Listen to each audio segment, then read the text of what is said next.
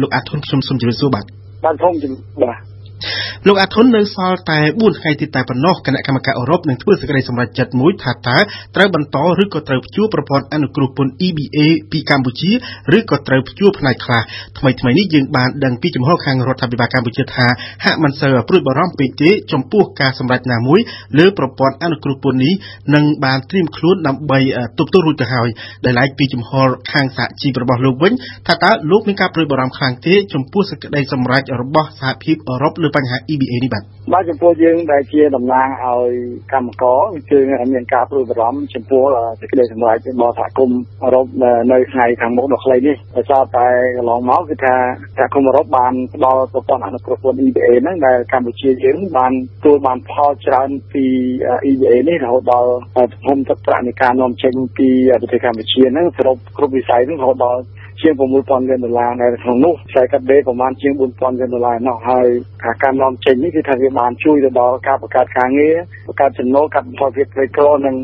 ផ្ដល់ឲ្យកម្ពុជានឹងមានមុខមានមាត់នៅឆាកអន្តរជាតិនៅពេលបច្ចុប្បន្ននេះបាទបាទលោកអាតុនអឺវានឹងធ្វើឲ្យប៉ះពាល់អ្វីខ្លះប្រសិនបើអឺរ៉ុបផ្ដាច់ប្រព័ន្ធអនុគ្រោះពន្ធ EBA ពីប្រទេសកម្ពុជាទាំងស្រុងនោះបាទ ប្រសិនបើជាការផ្ដាច់ទាំងស្រុងខ្ញុំគិតថាទំហំនៃការធ្វើពាណិជ្ជកម្មនៅប្រទេសកម្ពុជាអាចនឹងមានផលប៉ះពាល់ក៏ប៉ុន្តែមកដល់ពេលនេះគឺយើងអត់ទាន់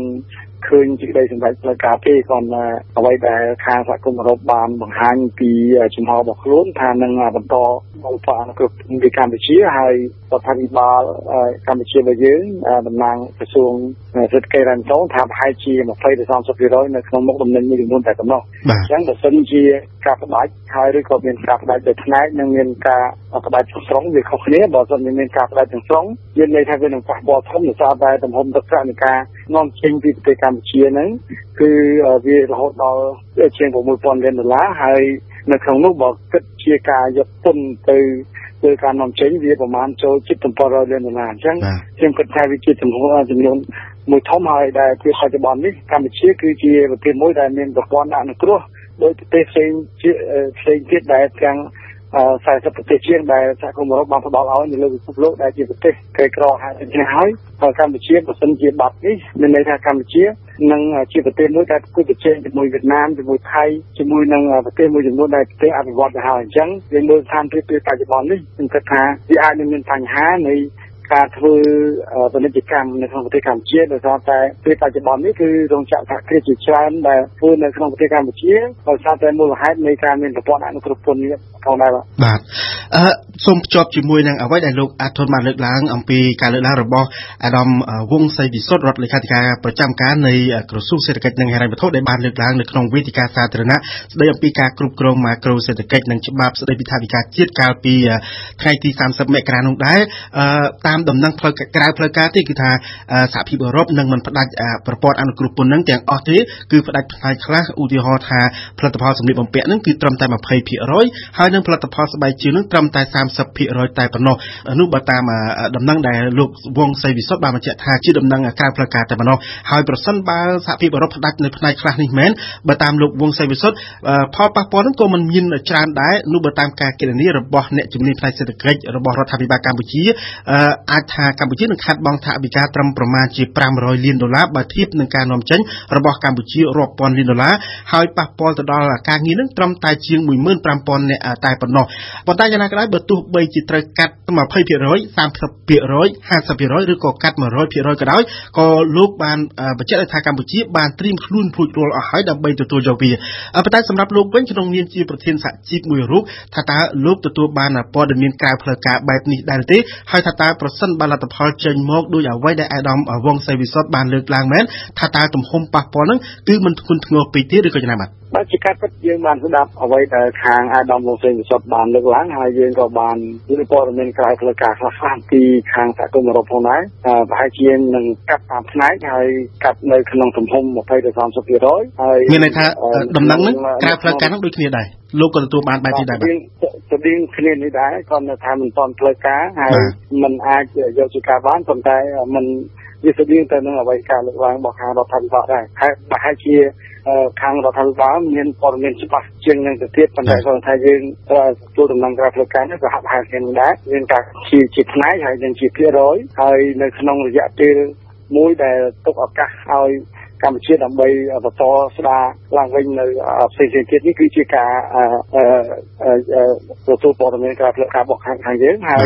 ខ្ញុំគិតថាបើទោះបីជាការកាត់តាមផ្នែកភាគរយយ៉ាងណាក៏ដោយបើយើងមកពិនិត្យមើលនៅក្នុងការកាត់នេះបើសិនជាវាកាត់នៅក្នុងវិស័យកាត់ទេកាត់កាត់ស្បែកជើងហើយនឹងកាត់កាបូបយូរដៃរួមទាំងកាត់នៅក្នុងស្នាមជក់ឬក៏ស្អីផ្សេងៗទៀតយើងគិតថាប្រភេទដែលនាំចេញទៅសហគមន៍អឺរ៉ុបតែច្រើនជាងគេគឺមានតែវិស័យកាត់ដេរស្បែកជើងនិងកាបូបយូរដៃតែប៉ុណ្ណោះសម្រាប់វិស័យកសិកម្មក៏អំពៅម្រេចឬក៏ កង់ឬក៏ប្រភេទសម្ភារៈផ្សេងៗទៀតគឺថាយើងមើលទំហំទឹកប្រាក់ប្រមាណតែជាង1000លានទេអញ្ចឹងបើសិនជាកាត់នៅផ្នែកនេះមានន័យថាទំហំ នៃការកាត់នោះក៏ធំដែរវានឹងអាចប៉ះពាល់ទៅដល់ការបង្កើតការងារហើយក៏ដូចជាប៉ះពាល់ទៅដល់ប្រាក់ចំណូលរបស់កម្មករក៏ដូចជានៅក្នុងសេដ្ឋកិច្ចជាតិរបស់យើងច្រើនហើយគួរសមផងដែរហើយការកាត់នេះទៀតសោតវានឹងអាចមាន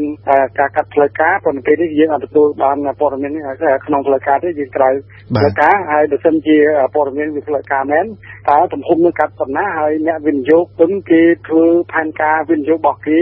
យ៉ាងម៉េចហើយគេនឹងអាចសម្រេចចិត្តថាគេនឹងបន្តធ្វើពាណិជ្ជកម្មនៅក្នុងប្រទេសកម្ពុជារយៈពេលវែងទៀតឬក៏យ៉ាងណាព្រោះពេលបច្ចុប្បន្ននេះតាមដែលយើងបានជួបជាមួយនឹងខាងអ្នកវិចិត្រទិញឬក៏សមាគមមួយចំនួនឬក៏ប្រការមួយចំនួនហ្នឹងគាត់បានថាគឺបច្ចុប្បន្ននេះគឺមានការកំងទិញនៅក្នុងកម្រិតតូចតូចខ្លីៗដែលពេលមុនដែលគេមានការកំងរយៈពេល1ឆ្នាំ2ឆ្នាំឥឡូវនេះគឺមានត្រឹមតែ6ខែ3ខែហើយវារងចាំមើលសេចក្តីសម្រេចនៅថ្ងៃទី12 ខែ2ឆ្នាំ2020ដូចគ្នាអញ្ចឹងយើងចាំមើលតើទំហំនៃការកាត់កំណាហើយបន្ទាប់ពីការកាត់មកគឺថា6ខែក្រោយមកគឺ ការកាត់នឹងចូលជាធរមានអញ្ចឹងនៅថ្ងៃទី12ខែ8ឆ្នាំ2020នេះគឺជាថ្ងៃដែលត្រូវដាក់ឲ្យចប់ពន្ធបើមិនជាមានការកាត់ទឹកប្រកបមែនបាទបាទបាទអឺលោកអាធុនតើដំណឹងដែលលោកទទួលបានក្រៅផ្លូវការហាក់បីដូចជាស្រដៀងគ្នាទៅនឹងរដ្ឋាភិបាលដែលទទួលបានដំណឹងក្រៅផ្លូវការហ្នឹងដែរក៏ប៉ុន្តែដំណឹងដែលលោកទទួលបានក្រៅផ្លូវការហ្នឹងជឿទុកចិត្តបានកម្រិតណាដែរបាទបាទយើងគិតថានៅរយៈពេលតែ4ថ្ងៃទៀតទេហើយអ្វីដែល យើងដឹងថាផ្លូវការជាមួយរដ្ឋាភិបាលទាំងផ្លូវការហ្នឹងវាអត់ខុសផ្នែកគ្នាច្រើនទេអញ្ចឹងខ្ញុំគិតថាប្រហែលជាភាគរយខ្ពស់នៅក្នុងហ្នឹងយើងមានជំនឿថាវានឹងមានការកាត់តាមផ្នែកហើយកាត់ក្នុងរយៈពេលមួយហើយនឹងទំហំផាក់ផែទៅនឹងការ លើកឡើងរបស់ខាងរដ្ឋាភិបាលប៉ុន្តែមិនមែនមានន័យថាជាលទ្ធភាពចុងក្រោយទេបើសិនជាកម្ពុជាស្ដារឲ្យបានវិញនៅសិទ្ធិមនុស្សជាធិបតេយ្យហើយសិទ្ធិការងារដោះស្រាយបណ្ដឹងនៃពាក់ព័ន្ធទៅនឹងការកែប្រែច្បាប់ផ្សេងៗហើយក៏ដូចជា ការដោះស្រាយបញ្ហានយោបាយផ្សេងៗចប់ខ្ញុំគិតថាប្រហែលជានឹងអាចមានសង្ឃឹមនៅក្នុងការបន្តបង្កើតឬក៏អាចដោះស្រាយបញ្ហាហ្នឹងបានកាន់តែបន្តឡើងប៉ុន្តែបើសិនជាមិនមានការដោះស្រាយទេខ្ញុំគិតថាតាមទៀតវាអាចទៅតាមអ្វីដែលយើងយល់ឃើញក្រៅផ្លូវការហ្នឹងហើយបាទបាទលោកអធុនបើតែយ៉ាងណាក៏ដោយប្រសិនបើដំណឹងក្រៅផ្លូវការរបស់អាដាមវងសីវិសុទ្ធជាដំណឹងផ្លូវការវិញមានការកាត់ លើផលិតផលសម្លៀកបំពាក់ត្រឹមតែ20%ហើយនិងផលិតផលស្បែកជើងចំនួន30%ហើយនឹងប៉ះពាល់ដល់ការនាំចេញរបស់កម្ពុជាប្រមាណជា500លានដុល្លារនិងប៉ះពាល់ដល់ការងារនឹងប្រហែលជា15000កន្លែងបើតាមលោកអធុនថាតើវាជាការប៉ះពាល់មួយធ្ងន់ធ្ងរដែរទេឬក៏មិនធ្ងន់ធ្ងរទេបាទខ្ញុំគិតថានៅពេលបច្ចុប្បន្ននេះគឺកម្ពុជាគឺយើងត្រូវការប្រព័ន្ធអនុគ្រោះពន្ធហ្នឹងហើយមិនមែនត្រូវការតិចមានត្រូវការច្រើនហើយបើសិនជាតម្រូវការឬក៏បញ្ហាសេដ្ឋកិច្ចឬបញ្ហានាំចេញសូម្បីតែដដែលក៏យើងនឹងមានបញ្ហាការងារដែរប៉ុន្តែបើសិនជាមានការកាត់បន្ថយនោះសង្គមណាក៏ដោយក៏នឹងប៉ះពាល់ដែរតែថាអីដោយសារតែកម្ពុជាយើងត្រូវការនាំចេញដើម្បីឲ្យមានការដំណើរការនៃផលិតកម្មហើយកម្មករមានការងារធ្វើនិងមានតែចំណូលហើយបើសិនជាមានការបាត់បង់នោះគឺមានន័យថាគឺកម្មករនឹងបាត់ប្រាក់ចំណូលតែម្ដងហើយខ្ញុំគិតផងដែរថាការបាត់នៅក្នុងទំហំ តូចវាអាចនឹងដោះស្រាយបានហើយវានឹងលំបាករយៈពេលខ្លីប៉ុន្តែបើបញ្ហានេះវានៅតែអូសបន្លាយយូរយូរទៅវាបញ្ហាកាន់តែធំឬក៏ប្រព័ន្ធអនុគ្រោះពន្ធនេះគឺវានៅតែជាឧបសគ្គថ្ងៃក្រោយវានឹងមានបញ្ហាដល់ GSP ទៀតអាហ្នឹងក៏វានៅតែជាបញ្ហាដែរអញ្ចឹង នៅក្នុងពេលនេះគឺសម្រាប់យើងខ្ញុំយើងយល់ឃើញថាមិនគួរឲ្យមានការដកប្រព័ន្ធអនុគ្រោះពន្ធសំបីតែ20ទៅ30%នៅក្នុងវិស័យអតិថិជនណាក៏ដោយវាគួរតែរក្សាឲ្យបាននៅបញ្ហាប្រព័ន្ធអនុគ្រោះពន្ធនេះហើយ ធ្វើឲ្យមានកាន់តែទំនើបឬក៏កែតម្រង់ទៅម៉េចដើម្បីទាក់ទាញវិនិយោគធ្វើយ៉ាងណាឲ្យមានឱកាសវិនិយោគនៅក្នុងប្រទេសកម្ពុជាកាន់តែច្រើនដើម្បីបង្កើតការងារទៀតវាគឺជួយទៅដល់សេដ្ឋកិច្ចនិងជួយទៅដល់ការបង្កើតការងារនិងប្រាក់ចំណូលរបស់ពលរដ្ឋបានច្រើនជាជាជាង ដើម្បីឲ្យកាត់ហើយយើងទៅរកអីមកគ្រប់ដើម្បីតម្រូវទៅអ្វីដែលបាត់បង់នឹងទៅសម្រាប់ប្រទេសរបស់យើងបាទបាទយ៉ាងណាក៏ដោយលោកអាធុនអាប៉ោងនឹងបើកគ្របច្បាស់នៅថ្ងៃទី12ខែកុម្ភៈដើមសប្តាហ៍ក្រោយនេះហើយតើអ្វីទៅជាការរំពឹងទុករបស់លោកអ្វីដែលជាការរំពឹងទុករបស់ខ្ញុំគឺថាបញ្ហាវាកើតឡើងអញ្ចឹងរដ្ឋាភិបាលនឹងឃើញនៅស្ថានភាពដែលចាស់ស្ដែងនៅពេលនោះហើយនឹងអាចធ្វើការសន្និដ្ឋានហើយនឹង ធ្វើការដោះស្រាយបញ្ហានេះថែមទៀតបើសិនជាកន្លងមកការដោះស្រាយហ្នឹងនៅតែជាការដោះស្រាយនៅក្នុងកម្រិតមួយដែលដែលមិនទាន់បានសមរម្យនៅឡើយដែលធ្វើឲ្យសហគមន៍អឺរ៉ុបនៅមានបញ្ហាហើយបើសិនជាការដកនេះជាការដកមួយហើយទុកពេលឲ្យរដ្ឋាភិបាលទៀតមានន័យថាវាជាឱកាសដើម្បីរដ្ឋាភិបាលហ្នឹងពិនិត្យឡើងវិញនិងធ្វើឲ្យប្រសើរឡើងទៅថ្ងៃអនាគតដើម្បីជៀសវាងការកាត់ប្រព័ន្ធអនុគ្រោះពន្ធនៅកម្ពុជាហើយ យើងក៏អំពាវនាវឲ្យរដ្ឋាភិបាលកម្ពុជាសហគមន៍អឺរ៉ុបបើទោះបីជាមានការមិនត្រូវគ្នាក្នុងក្របខ័ណ្ឌណាមួយចំពោះការស្នើរបស់សហគមន៍អឺរ៉ុបនិងការស្នើរបស់រដ្ឋាភិបាលប៉ុន្តែអ្វីដែលយើងចង់បាន បើសិនជាអាចបញ្ជារួចគឺបញ្ជាបញ្ហាដែលកាត់ប្រព័ន្ធអនុគ្រោះពន្ធហើយជាពិសេសគឺកាត់ដែលអ្វីដែលវិស័យកាត់ដេរដែលជាប៉ះពាល់ធំបំផុតនោះបើសិនជាប៉ះគួរតែប៉ះនៅវិស័យណាមុនឬក៏ផ្នែកណាដែលវាមិនប៉ះពាល់ដល់កម្មករព្រោះថាកម្មករនៅពេលដែលបាត់បង់ការងារទៅបាត់បង់ប្រាក់ចំណូលតែម្ដងហើយយើងក៏អំពាវនាវទៅដល់អ្នកពាក់ព័ន្ធទាំងអស់គ្នាក៏អាចទៅរួចគួរតែជជែកគ្នាដើម្បីដោះស្រាយបញ្ហាជាពិសេសគឺយើងក៏ស្នើរដ្ឋាភិបាលកម្ពុជានិងគណៈបកទាំងអស់ក៏អាចដោះស្រាយផ្ទៃក្នុងក្នុងនាមខ្មែរជាខ្មែរអាចដោះស្រាយបញ្ហាប្រឈមឲ្យមានការប្រកួតប្រជែងនយោបាយបានត្រឹមត្រូវហើយឲ្យមានការគោរពសិទ្ធិមនុស្សបានត្រឹមត្រូវហើយមានការគោរពសិទ្ធិកម្មករបានត្រឹមត្រូវពេលនោះកម្ពុជាយើងទទួលបានប្រព័ន្ធអនុគ្រោះពន្ធទទួលបានគេឈ្មោះទទួលបានការអភិវឌ្ឍហើយយើងនឹងអាចជាប្រទេសមួយដែលគេធ្វើការនឹងគេ សហការជាមួយយើងក្នុងអនាគតយើងនឹងល្អសម្រាប់ប្រទេសសម្រាប់ជាតិរដ្ឋរបស់យើងហើយលោកលោកអាចមានប្រសាសន៍ចំតែម្ដងថាតើអ្វីទៅដែលសហគមន៍អឺរ៉ុបចង់បាននៅក្នុងពេលនេះបាទយើងឃើញមានបីចំណុចសំខាន់ទី1គឺស្ថានភាពនយោបាយហើយទី2ស្ថានភាពសិទ្ធិមនុស្សប្រជាធិបតេយ្យហើយទី3គឺ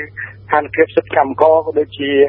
ការរៀបចំប្រព័ន្ធច្បាប់ផ្សេងៗដែលជាបញ្ហាប្រឈមរបស់លើកម្មកររបស់យើងបាទបាទដោយសារអពេលទៅហើយខ្ញុំសូមអរគុណលោកអាធុនដែលជាប្រធានសហភាពការងារកម្ពុជាដែលបានផ្ដល់បទសម្ភាសន៍ដល់ជួបប្រាំងអន្តរជាតិ AFE ក្នុងនាមជាភ្ញៀវប្រចាំថ្ងៃរបស់យើងនៅរាត្រីនេះខ្ញុំសូមអរគុណនិងសូមជម្រាបលាលោកអាធុនបាទសូមជម្រាបលាបាទសូមអរគុណ